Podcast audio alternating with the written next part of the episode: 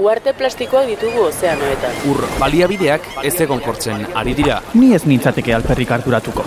Fenomenoa islatuak dira. Bizioiturak eta herri egiturak aipatu izan dizkidate, zerikusirik balute bezala. Erleak kontserbatzeaz ere hitz egin didate. Baita ariztiak zaintziaz edo ezeguneak babestiaz ere. Eta ni, Nork babesten hauni. Mikroplastikoak elikadura katean sartu zaizkigu. Ez ez da perfektua. Bioanistasuna galtzeak atzera bueltarik gabeko ondorioak izan ditzake. Lasaitu zaitez, ez da inbesterako izango. energia erabilerari eta garraioari loturiko isuriak izugarriak dira. Ez du nik erabaki horrela izateri. Aro geologiko bat markatzeko adinako eragina izan dugu. Evoluzioaren aztarna, arro, egoteko modukoa benetan. Baliabideen erauzketak arrakala sozialak handitu ditu. Zer diozu? Nik ez dut alakorik egin. Eragindako inpaktuak direla eta muturreko fenomenoak ugaritu dira. Nire inguruan ez dut hori sumatu. Euri azidoa bertan da. Bizitzak aurrera darrai. Bai? Ziur, Gelditu makinak. Gelditu makinak.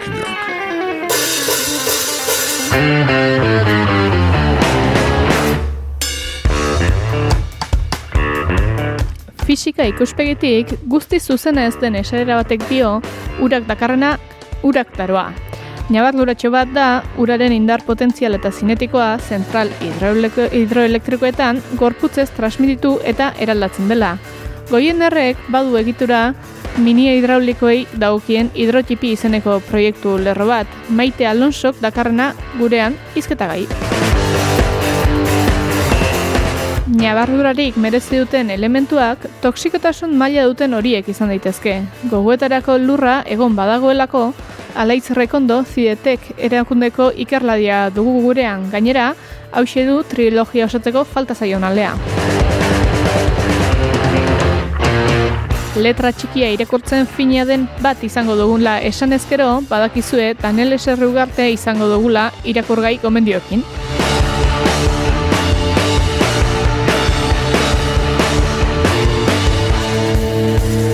Nabarduraz, betetako saioa dator gelditu makinaken hogeita maika garrena. Asteragoaz.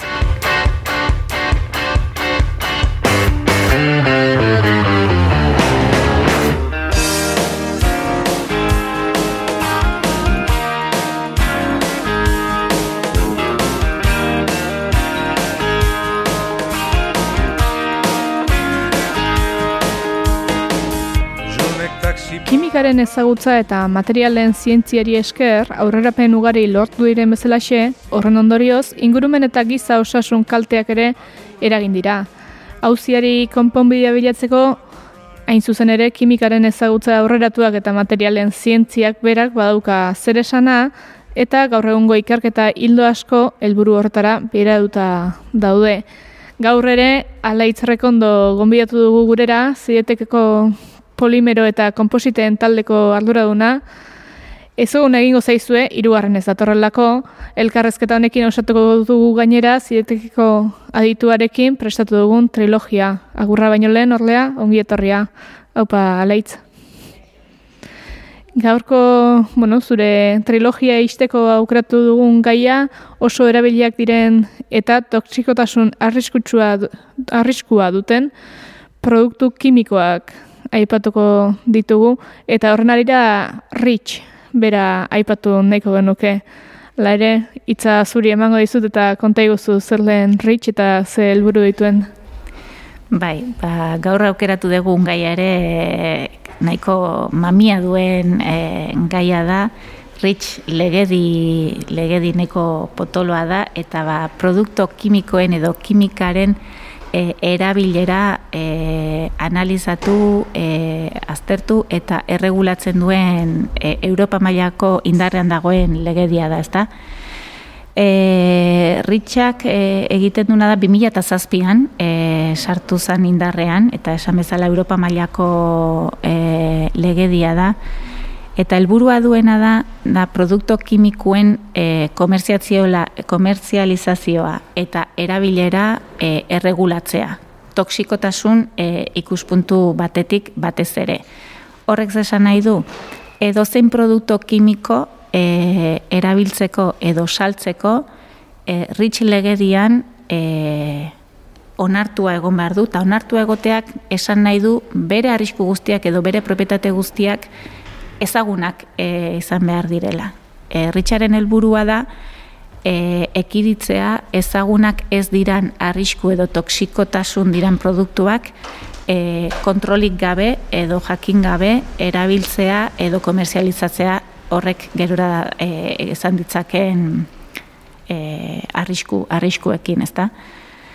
Helburua oso ona da, oso egokia da, baino egia da, ba ritxilegi honek ba zientziari, kimikariei eta materialak garatzeko ba dena bezala paradojak eta kontrasenak ditula eta asko baldintzatzen dula, ezta?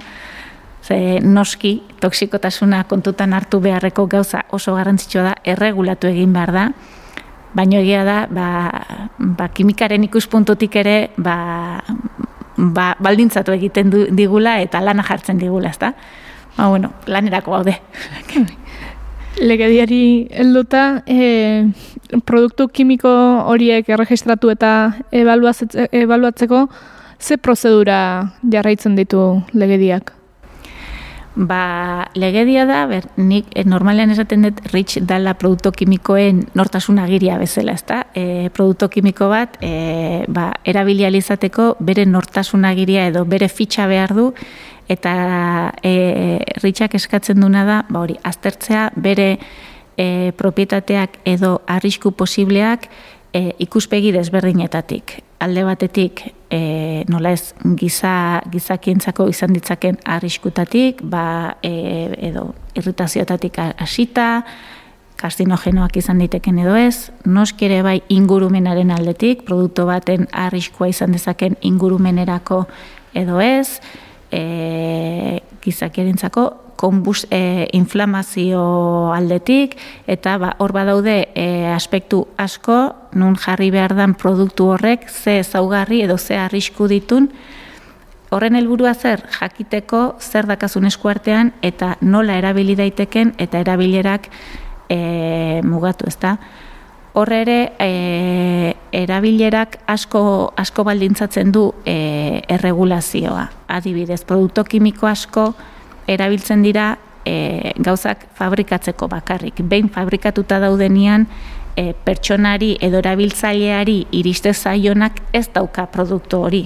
E, produktu asko bakarrikan erabiltzen dira formulatzeko garaian. Ordun, naiz eta e, produktoietan naiz eta toksikotasun nauki, bere erabilera baimentzen da e, esate zaiolako ezak, e, in, sustantzia intermedia edo e, ez dalako iritsiko erabil, erabiltzaileari. Orduan, hor e, erabilkiko dunak jakinda nola erabili behar dan eta neurriak hartuta, ba erabiltzeko baimenduta dago. Aldiz, horre toksikotasun asko dakaten produktuak guztiz debekatua daude e, kontsumorako edo erabilera iritsiko zaion e, produktuetara. Orduan, erritxak erori esaten du ez, da? Zertarako erabili daiteken gauza bat, eta zertarako ez. Hortarako jakin behar duzu, produktu bakoitzak ze, ze arrisku daukan. Pixka bat, e, lurrera edo lurtarron gana ekartzen saiatze aldera, e, produktu kimikoak aipatzen ditugunean, ez da hain irudikatzen produktu kimikoak era askotarikoak izan daitezke, eta adibidik emango altzen duke adibidez, e, rich legediontan, ze produktu geratu diren kanpoan, zergatik zein izan diren ba erabilera asko izan dutenak eta eta gerora legedia onartzek onartzera heldu ez direnak. Bai. Bueno, kanpoan ez dira gelditzen, eh? denak daude barruan. Esaten duna da ezin dirala erabili, baino bai dena daude barruan. E, adibidez, e, adibide argi bat amiantoarena da, le, bere, bere garaian asko erabilita, e, eta gaur egun ezin dana erabili. Orduan, e, ez, e, hori jada ezin da erabili, dakon e, demostratu delako dakan arriskua, eta legediak esaten du e, hori ezin dela gehiago erabili. Horrekin batera, beste beste Richaren inguruko beste beste gogoeta bat ere garrantzitsua iruditzen zait, ezta? Ritxa sortu zanean e, eta bere aplikagarritasuna e, naita ezkoa izan da, e, ba, produktu ja, da e, bizitzan edo erabiltzen diren produktu asko edo erabiltzen ziren guztiak pasa behartzuten e, analisi hortatikan eta elegediak bete, bete arazi behar zituen test guztiak egiteko. hori noski dena bezala e, dirutan trasladatzen dugu eta ba, enpresa askok produktu kimiko asko egite zituztenak saltzen jarraitu ari izateko beharrezko azterketak eta analiziak egin bertziran ritxan regulatzeko bakoitza zegokion tokian. E, jada egiten diran edo saltzen diran volumen askotan sartzen diren produktu guzti horiek e, e, periodo bat egontzan eta bete ziran eta horiek hor daude eta regulatuta. E, hor gertatzen e, hor daudenen artean e, badaude batzuk ba, toksikotasuneko handia dakatenak amiantoa adibide argiana da. Eta ez da jada erabiltzen, badaude beste adibide batzuk nun ritxaren arabera bere erabilera asko erregulatu beharko litzaken eta urteak e, daramatzak kimikak edo zientziak horren alternatibak bilatzen e, ez dauden bitartean erabiltzen jarraitzen dira. Horrelako adibideak ere badaude. Adibidez, adibide argietako bat kromoaren da, e, gaur egun ba, e, plastiko kromatuak e, oso erabilerak edo nik uste denok ezagutzen ditugula, bai, e, bai kotxetan, edo etxetan ere, e, kromaua oso, oso e, akabatu ezaguna da, eta, eta baliotsua. Kromoa, kromatua gaur egun edo leno batez ere, kromo exabalentetik sortzen da, eta kromo exabalentea da ritx regulazioaren arabera beste produktu kimiko nahiko polemiko bat toksikotasun aldetik.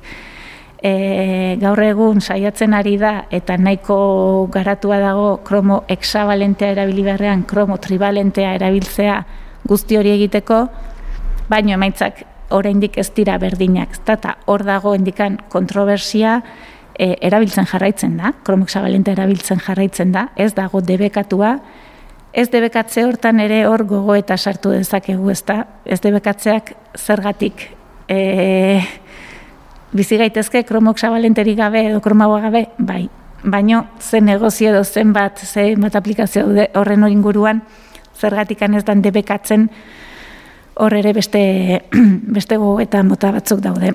Bai, eh, zain zuzen ere, bueno, e, Rich legedionen baitan e, bueno, arriskutsua izan daitekela zehaztu ezkero, zergatik ez e, atera merkatutik, e, alternatibarik bilatu ez arte, bintzat.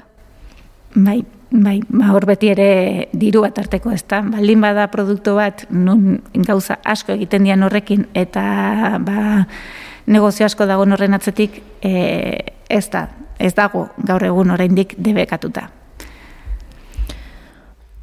Hori alda bueno, horrelako negozioak aldira gehien eragiten dutenak legedi honetan, edo, bueno, ez da hau oiko kasu bat, hau kasu aislatu bat izango litzake, kromoarena, alegia. E, nik dakiten arte egia esan ez daude hainbeste adibide nun e, jada rich legedian dauden produktuak tokitsiko aldetik alarma, nahiko alarma daukatenak, eta oraindikan volumena handitan erabiltzen dianak. Badaude nik dakiten arte adibide batzuk, baino ez da ere e, adibide zabal asko. Kromoek zabalentea izan daiteke, egia da ere bai, kromoa erabiltzen den momentuan ez dala e, erabiltzailera iristen, baizik eta fabrikazio prozesuan da, baina bueno, e, legediaren arabera egia da bere erabilera ezabatuta egon beharko lukeela, eta ez dago alternatiba aurkitu bitartean. Badago beste adibide neko esanguratxo bat, nik esatetenetik e, nik tesia iten hasi nitzanean hori izan helburua, e, a ber, uste neko ezaguna dela, badaude e, poliuretanozko espumak adibidez etxeetan eta konstrukzioan asko erabiltzen dian e, espumaie, ba, poliuretanoa da material bat asko, asko eta asko erabiltzen dena, oso merkea dalako eta oso ondo funtzionatzen dulako. Eta biosagaietako e, material bat da, e, poliola, ez da kana inolako arriskurik, eta osagai klabea isozianato bada, produktu kimiko mota bat, eta horren toksikotasuna ere nahiko, nahiko e, agerian gelditu da, eta erabiltzen den produktu konkretu e, masiboetako bat, oso merkea eta oso horreixa dalako, bere toksikotasuna edo ritxean nahiko alarmakin dago. Duela hamar bat urte jada. Badaude alternatibak teknologikoki, baino ez dute hain ondo funtzionatzen eta batez ere ez dia horren errentagarriak. Eta orduan gaur egun oraindikan erabiltzen da. Eta nik ba, horrekin ba, hortan lan egin detelako lehenago mm, begiratzen detenean gaur egun ere ez Europan, baino Asian ikuste ditut indikan berriak planta berriak irikitzen diala MDI den e, isozianatu famatu hori egiteko. Eta tonela da, eta tonela da, eta tonela da erabiltzen dira. Pues, bueno, beste adibideoetako bada, negozio asko dago horrekin, e, bueno, ikerlarientzako ere lana da, ezta? Erronka. Aber lortzen degun horren alternatiba ez toksikoago bat, baino horren merke eta horren ondo ez badu funtzionatzen kostatzen da, argi dago kostatzen dela sartzea.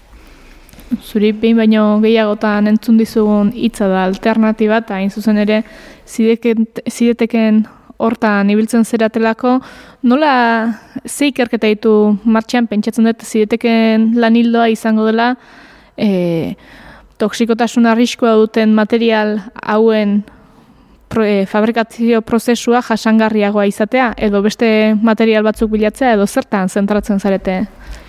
Bazieteken badago lanildo bat, kasu honetan hau ez da nere taldeko lanildoa, polimeroena, baino bai dago leno aipatutako kromoaren e, inguruan, bai dago ikerketa nahiko e, landua eta garrantzitsua, kromo tribalentearekin e, lortzen edo kromo tribalentearen teknologia garatzen bere propietateak eta resistentzia eta itxura eta dena e, kromoexabalentearen bezain onak izatera lortzeko eta kromoexabalentearen erabilera e, kentzearen alderako lana. Alde hortatik e, bai, bai ari gera lanean.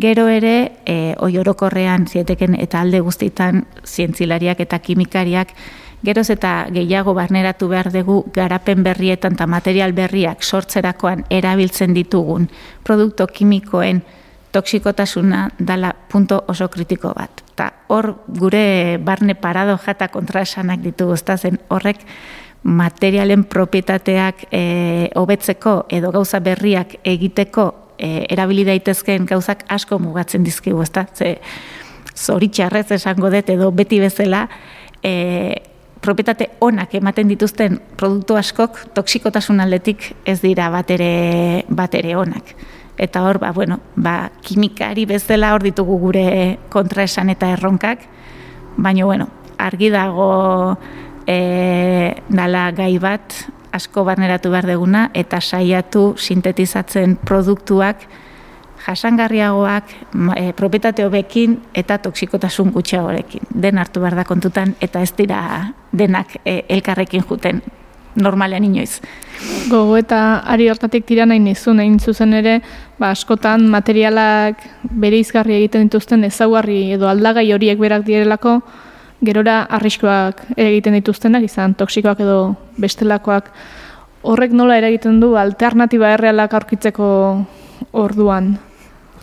Ba, gure uste askorekin, Bera, adibidez, e, aurreko saioan e, komentatu genuen material aurreratuak egiteko gure taldean ari geran egiten ikerketarekin, e, produktuak lotura kimika dinamikoa sartzearekin eta hor ditugun emaitza oso interesgarri batzuk, e, materialaren berzikletasunari begira.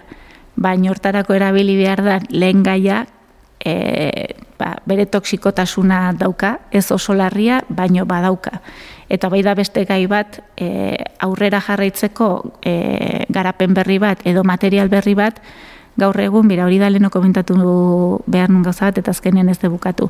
Ritxean, sartutzianian, ritxean er, ondo erregulatuta egoteko produktu bakoitza, e, test asko egin behar dira, eta diru asko suposatzen du. Orduan, e, ja, saldu saltzen diran materiekin hori egin behar izan zuten bestela ezintzalako saltu eta behartuta zauden.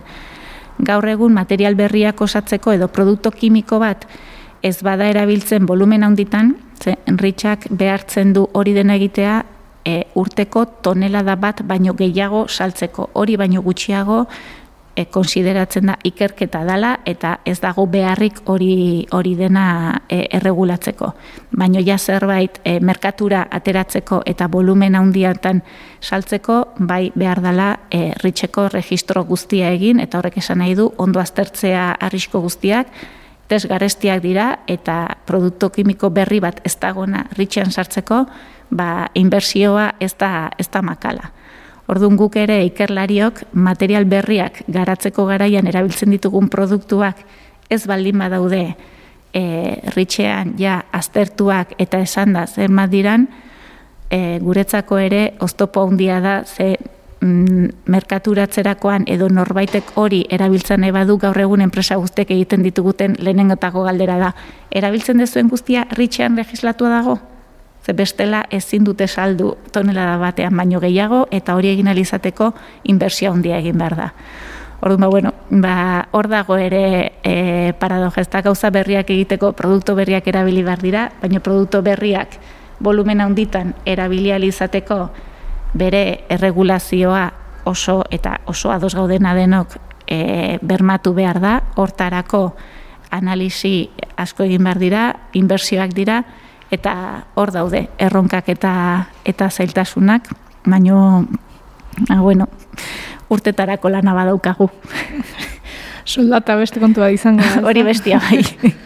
Ba, mila mila esker, alaitz, gurean izategatik, mila esker kimika eta materialen zientzia gerturatzeagatik gugana eta arlo horretako ekarpen guzti hauengatik eta hirugarren saio honekin ba agortuko gara zuretaz. Eskerrik asko zuei, oso gustoa izan da hemen izatea. Bai, horren arte. Horren arte bai. Gelditu makinak, naiz irratian, Eli Pagolarekin.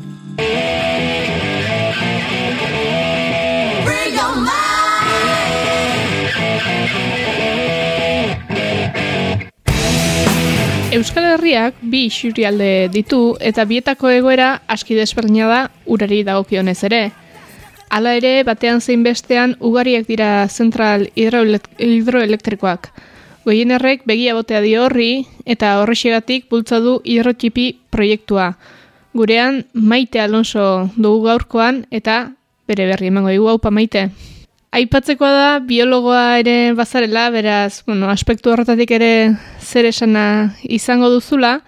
Eta, bueno, hidrotipirekin hasi aurretik, Jakin egiten duke ea Euskal Herriko zentral hidroelektrikoen egoera zein den gaur gaurkoz? Mm. Ba, begira, Eli, e, Euskal Herriko goera da pixkat, bueno, ba, e, ezberdina izan dezakegu ba, zentral elektriko handiak eta txikiak kontutan izaten baditugu, no? E, hidrotipi proiektuan e, zentral txikiak astertzen gaude, eta ba, e, zentral txiki honek, mini hidraulikoak deitzen dienak baita ere, e, normalian, ba, e, erabili izan dira, e, ba, sonalde, ba, e, mendizonaldeetan, erolanda ere muetan, ba, e, erre txikiak, no, e, ba, energia iturria behar, zutenian ba, aktibatu ziren, ero sortu ziren.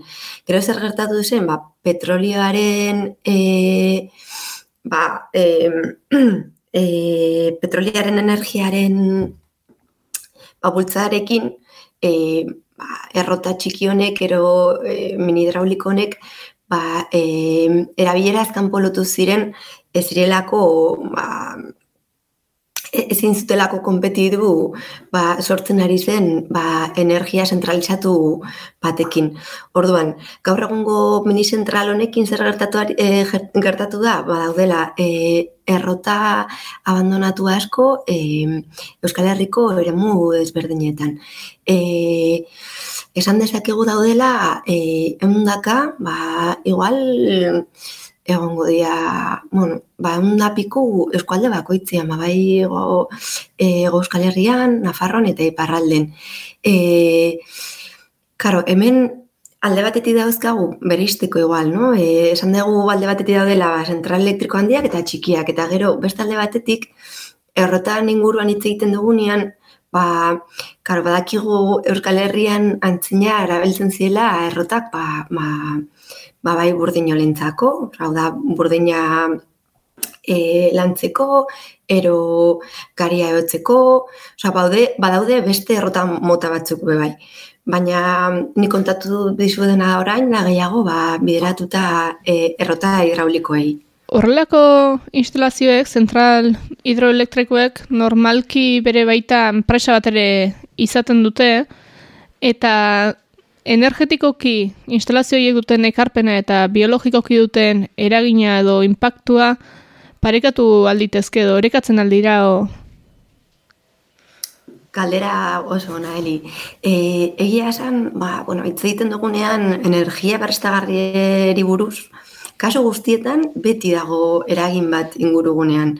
Egiten dugunek ekintza guztia daukate eragin bat, no? Bai zentral hidroelektrikoak, e, bai e, eguzkia energia e, sortzeko eraltzen dien plakak guztia dauka eragina inguru gunean. E, baina e, eragina gutxitzeko ba, egin behar dena da azterketa egokiak, no? Ba, begiratu non den egokiena energia honek sortzia eta e, ba, ondo aztertuta gero ba, ba, bueno, da kontutan izan da beti izango duela eragin bat ba, eragin gutxiena daukana eta eta mm, teknikokin berezi duena ba, e, ba aurkitzea izango litzateke helburua. Orduan nik uste dut bideragarria dela biak e, kontutan izatia. E, adibidez, ba, e, Euskal Herriko egoera da, ba, bueno, daudela presa asko e, ibaietan eta eta presa honek ba, mm, konektibitate ekologikoa e, mugatzen dute. Hau da, e, konektibitate ekologikoa zer izango litzateke, bai, baietan, no, e, ba, bai e, arrainak eta bai beste mota bateko izaki bizidunak, bai baien artean mugitzeko e, behar dute bai honek e, zabalik egotea, ero bidea ematea, no, e, bizidun honei. Orduan, presa honek mm, sortu izan dienak, ba, ba, mota ezberdinetako errote em, errotetatik, ero, e, errotak egin dienean, ba, mm, egiten dutena da, e, ekitu egiten dute, ero ez dute bideratzen, ba, mm, bi, bi, izaki bizun honeen e, mugimendua. Orduan, ba, bueno, e, proiektu ezberdinak daude, e, presa honek e, kendu, eta izaki bizun honen mugimendua erresteko, Baina ere berean, ba, behar dugu energia baita ere, ez da? Eta, eta kasu batzuetan, ba, ba, bueno, bideragarria izan daiteke, ba, mantentzea dauden, dauden egiturak. E, horretarako, ba, bueno, e, ikusten ari gara hidrotipi proiektuan, ba, esin kasutan, e, izan daiteken, e, eukidezaken eragin gutziena, ba, presa ero errota honek e, berristea, no? Kontutan izan da, ba, konektibitate hau, ero, ero e, eragin ekologikoa kontutan izan da. E, adibidez, e, bueno, adibide bat erakusteko, no? Ba, zein kasutan, ba, eragin ekologiko positiboa izan dezaken, e, ba, Mediterraneo izuri aldera e, doazen ibaietan, e, badaude, ba, kanpoko espeziak e, zartzeko e, ba, mm, aukera, oza, hau da, espezie, espezien baditzaileak sartzeko aukera, eta presa bat egotiak, ba, e, babesten du espezie honek sartzia e, ibaietan, adibidez, eh? E, baina, bueno, hori, e, azkenian adibide honekin erakutsi nahi dudana da, ba, kasuan kasuko ikertu behar dela, kontutan izan da eragin ekologikoa eta eta bueno, hori gaudela egiten hidrotipi proiektuarekin. Aipatu bezala eta bueno, txantxaka txantxaka jungea e, informazio pixka bat ematen, baina hidrotipi proiektura heldu nahi dugu. Hidrotipi proiektua zeri erantzunez sortu da? Bai, e, ba, ez dezu modu baneli asaldu dut, e, no, lehenengo galderetan, no, ba, nola, ba, Euskal Herrian daudela ba, abandonatutako errota asko, no? Ba, ba bai em, antzinantzinako errota em, errota ba, e, eoitzeko, e, eotzeko barkatu errotak ero burdinolak, baina baita errota hidraulikoak, no? emeretzi garren mendeko errota hidraulikoak. Eta, bueno, ba, e, e, aztegitura hau kontutan izan da, erotipi proiektuaren helburua da, ba, ikusi daukagun, e, daukagun ondaretik, bazer berreskuratu dezakegun energia sortzeko, energia sortzeko herrian eta herriarentzako, no? Ba, herriarentzako zergaitik, bueno, ba, hidrotipiren helburua da ener, komunitate energetikoak sortzea. Hau da, energia tokian sortzea eta e, herriarekin batera. Ba, bueno, ba, em, energi zubiren otasuna eta, eta seguritate energetikoa lortzeko.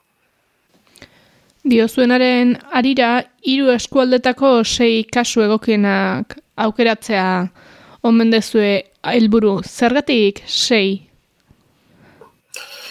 Bai, ezan, e, Eli, e, sei aukeratu dira e, hidrotipi proiektuarekin, e, bueno, hidrotipi proiektua da ikerketa proiektu bat, no? Ba, urteta erdi irango duena, Eta e, nahi duguna da e, aukeraketan kalitatea e, aukeratu. Hau da, kantitatea aukeratu ordez, no? Ba, mm, e, egitura asko berriztuz, gaudena da e, aukeratzen e, egitura hoberenak ba, honek gero berriztu alizateko.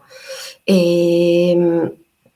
Hau esan da, eh, esan behar dut, ba, eh, hidrotipi proiektuak urte terdi honetan daukan helburua da, zei eh, azpiegitura oberenak, ero, ero zei eh, errota oberenak aukeratzea. Oberenak, bai teknikoki, bai eh, teknikoki esan nahi dut, ba, energia aldetik sortu baldutenagatik, no? eta, eta igual inbertzioa ekonomikoa eh, ba, bueno, ez delako izan behar hain handia, no? E, hau da, ba, egitura bastante ondo dagoelako, eta berresteko ba, ez da behar esfortzu handirik egin, ero ez beste, beste batzuekin konparatuz, gero, ba, ezan dugu moduan, ba, e, ingurugune arlotik, ba, e, eragin esan handia e, ba, sortzen duelarik, eta gero bai sozialki, no? ba, eragin positibo hau eki, alduelako, no? Ba, honek dia eukiten ari garen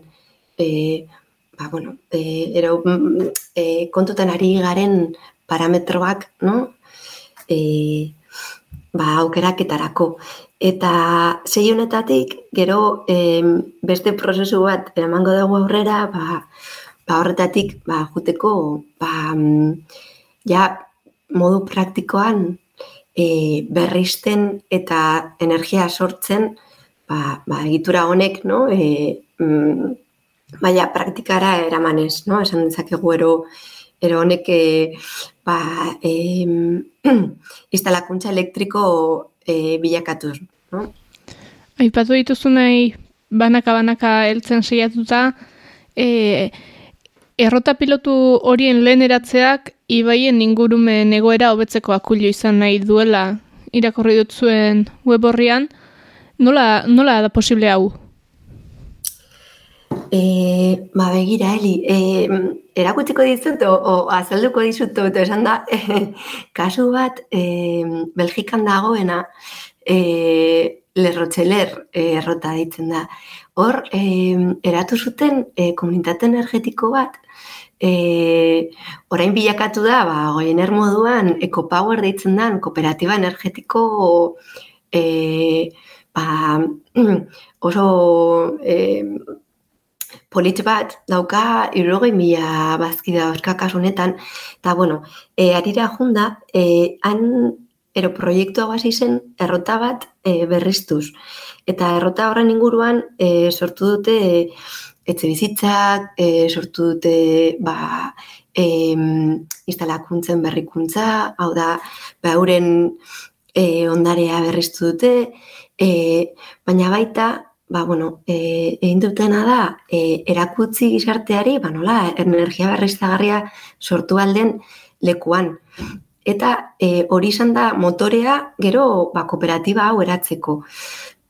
eta, bueno, gero erakusteko, no? Ba, nola bai beste, beste mm, aktibidade, ero beste ekintza batzuei bideman aldion, ba, e, lerrotxeler, em, errota horretan, egiten dira ekintza asko aldaketa klimatikoaren inguruan, e, energia subiranintasunaren inguruan, orduan, e, gure helburua hidrotipirekin da, ba, olako ekintzak bideratzea, eta, eta bueno, barakustea nola posible den, ba, e, energia transizio honetan, no? E, mm, nola buelta eman aldiogun ba, energia sorkuntzari eta eta beste mota bateko energiak sortu balditugun daukagun azpiegiturarekin. Ingurumena... Eta, bueno, modu batera. Bai, bai, bai, barkatu. Eh, da sai. Ingurumena intzat hartzeaz gain esan nahi nizun, helburu sozialak ere baditu zuela proiektu honekin? E, bai, bai, badakizu heli e, goienerren parte soziala oso garrantzitsua dela. No? Badaukagun ardatz e, oso indartzu bat da, eta eta baiti proiektu guztietan e, kontutan izaten dugu. E, kasu honetan, ba, esan dako moduan, hidrotipi proiektuak e, elburu moduan dauka komunitate energetikoak eratzea, no? eta badakigu komunitate energetiko honek paragin sozial e, positiboa e, e, eukitzen ari direla, ero, ero, ero eukitzea daukatela helburu. Em, hau da, komunitatea indartzea, e, komunitatean bertan sortzea energia, energia subiranotasuna lortzia, em, baina baita ere, e, etan dezakegu, ba, bueno, aldaketa klimatikoaren inguruan, e, ba, e, esiketa erosentsibilizazioa sortzea, e, izan dezakela eragin moduan bebai, eta, eta bueno, horrela, ba, e, ba, gizarten mailan e, eragin anitz izan dezake.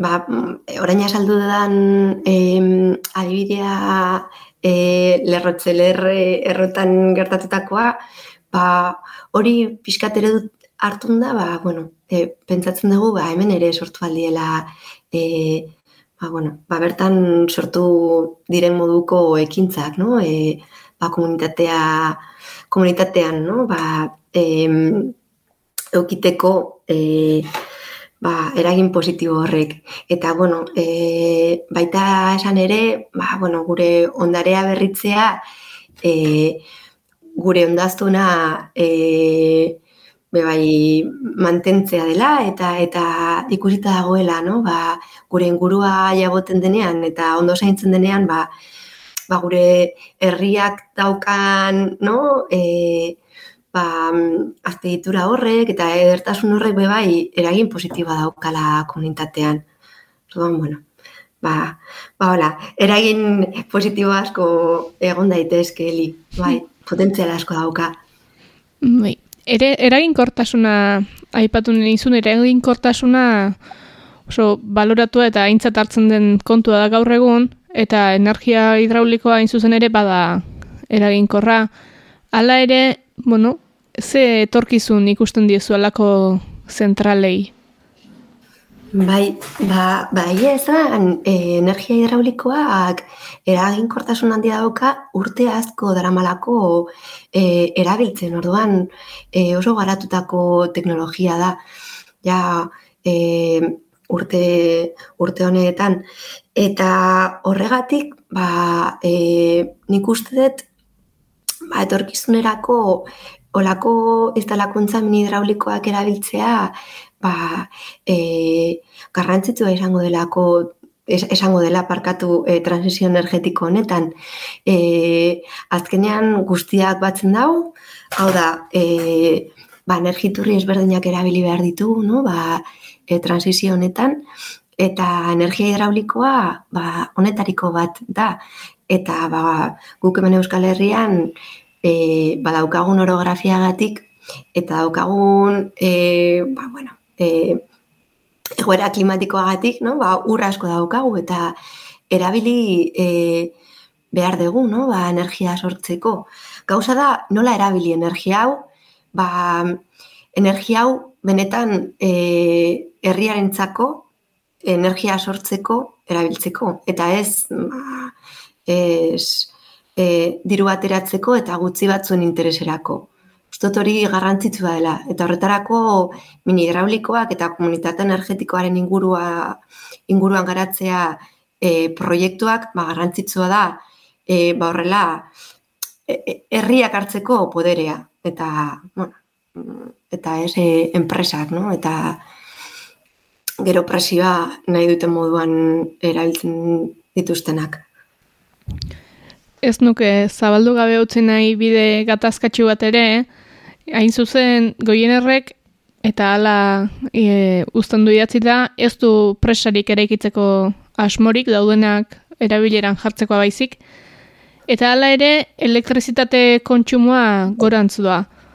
Nolako sistema energetikoa behar genuke helburutzat edo nora bideratu behar dugu urratsak, hain zuzen hor, e, koska bat ez gertatzeko, ez? E, produzitutakoa eta kontsumitutakoa bat etorreko ez diren unea iritsiko delako ba, momentu honi jarraituz gero. Hmm. Bai, bai, Eli.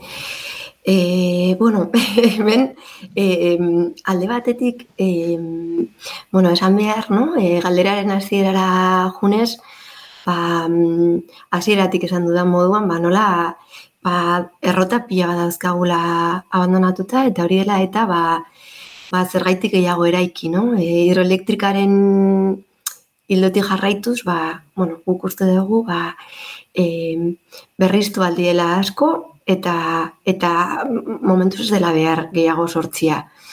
E, esan dako moduan, ba, aukeratu behar da ondo, non, non berreraiki, ba, bueno, ba, e, parte ekologikoa kontutan izan da eta beharrak kontutan izan da, bai.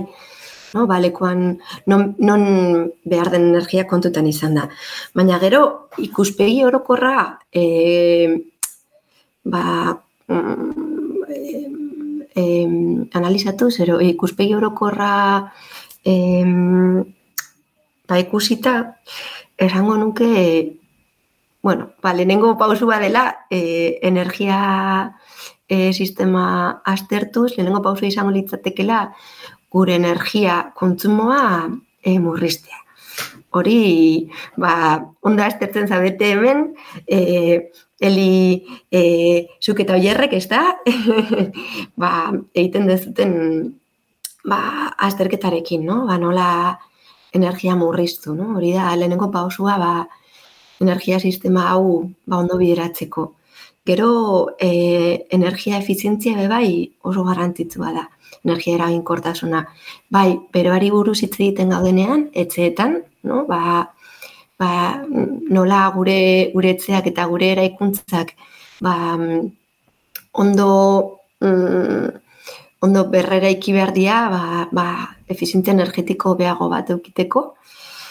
E, baina gero, baita, e, ja, irugarren pausua, no? izan daiteke, ba, energia zorkuntza, no? ba, nola sortu energia hau, no? E, eta energia hau, ba, bueno, ba, goien errek, hasierarik ba, energia berreztagarrietan e, oinarriti du, ere energia merkaturatzia, eta Eta uste dugu, ba, energia e, berriztagarri honetan, badaudela aukera asko, no?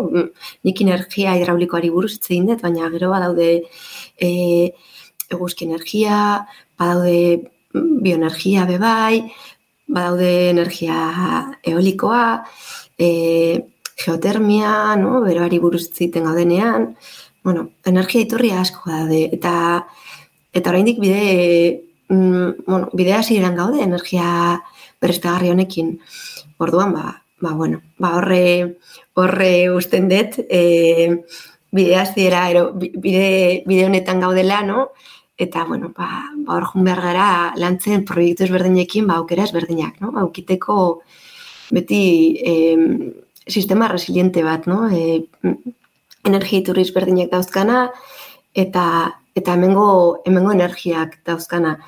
E, mm, hola, azkene puntu moduan ez den, ba, ba oraindik Euskal Herrian ba, dependentzia energetiko handia daukagula, eta, eta bueno, ba, oso garrantzitsua dela ba, hemen sortzea energia, gure energia, e, energia dependentzia hau ba, jaisten juteko, eta ba, energia hau berreztagarria bada asko sobeto.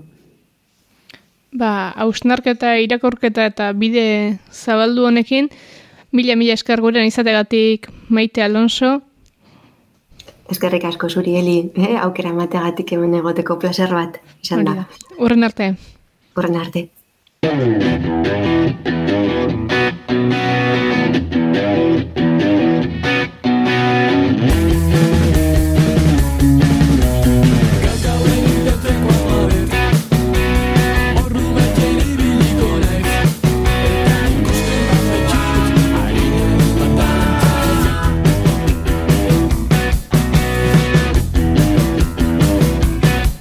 ekosozialen gainean hitz egin bakarrik ez, irakurri ere egin daiteke, eta horretarako dugu literatura pirulen atala. Proposamena luza, luzatzera dator, Danele Sarrugarte idaztela. Haupa, Danele. Kaixo, ba, gaur e, itxaro bordaren liburu bat e, aipatuko dizuet, oin dela ja urte batzuk argitaratu zena, eta da e, Amaia Espeldoiren e, detektibe errulararen lehengo tomoa, bakean utzi arte izenekoa. Hain justu ere, Amaia Espeldoik erretiro hartuko du, lehen urtean eurizitalari esker novelan erretiratu zuen bordak e, esan dezagun lanetik, baina e, bakean utzi arte hau e, bereziki aipatu nahi nuke, eta ez azkena, naiz da saga guztia irakurtzea gomendatzen dizuetan, ba, kontatzen duelako e, e, Siberuan eraikina izan zuten gasodukto baten historia eta horrek nola banatu zuen e, herrialdea eta bueno, zelako manifestazioak egon ziren eta zelako erresistentzia egin zuten gasodukto horren kontra. Eta eta bueno, ba, gure historiaren, historiaren memoria gordetzea importantea delako e, gomendatzen dizuet liburu hau, baita ere itxaro bordaren estiloa, estilo literarioa oso gogoko dudalako. Eta eta iruditzait oso euskera aberatsa erabiltzen duela nazten dituela hango eta mengo gauza pilo bat eta ni behintzat oso ondo pasa izan dut e, bereziki amaia espelduren liburuekin, eta horrexegatik ba, bakean utzi arte hori gomendatzen dizuet, eta hortik aurrera bazkazue beste bost amaia espeldoi detektibea ezagutzen jarraitzeko. Jarraituko diogu ba pista amaia espeldoiri. Jasota geratzen da, mila esker lanele. Zuei, urren arte.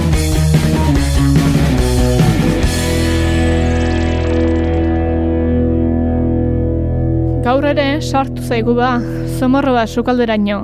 Ea, handik edo hemendik harrapatzen dugun etxeun arregi, edo gutxienean, bere gomendioren bat. Ongi etorri etxeun.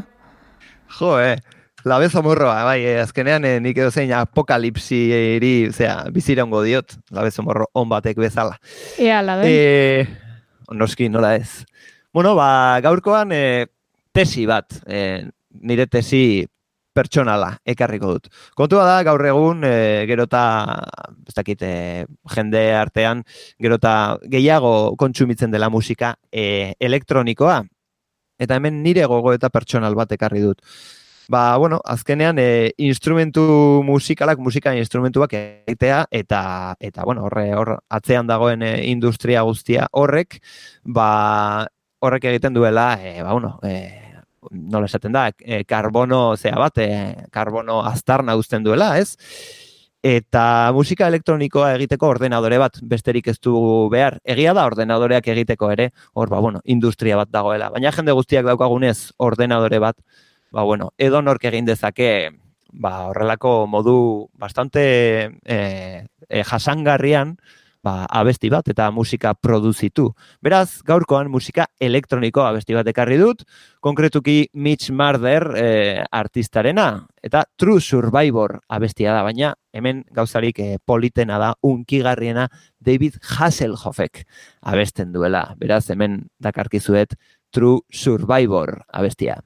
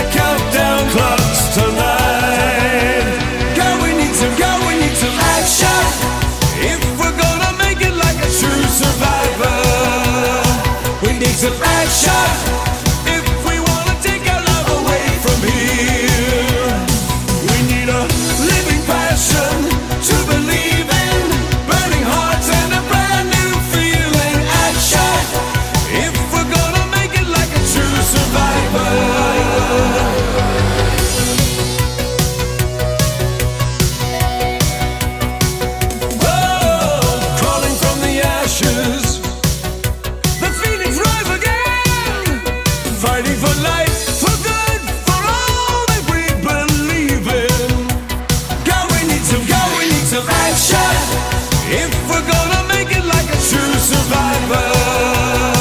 We need some action.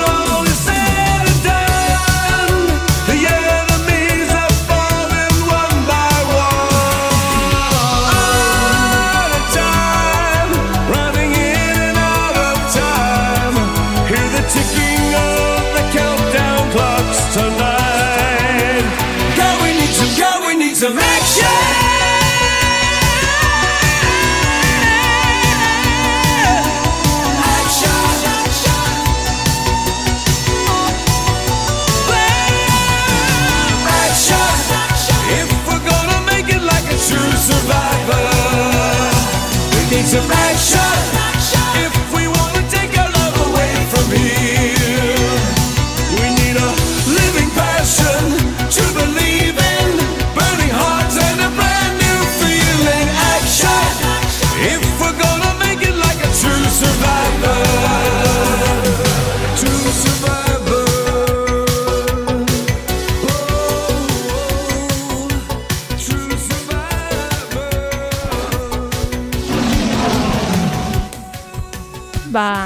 mentxe gure labezomorraren ekarpena, eskerrek asko etxean.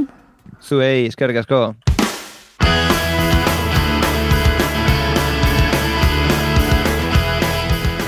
Horrela xeutziko dugu bada, gelditu makinak saioaren hogeita maikagarren atala. Agur, agur!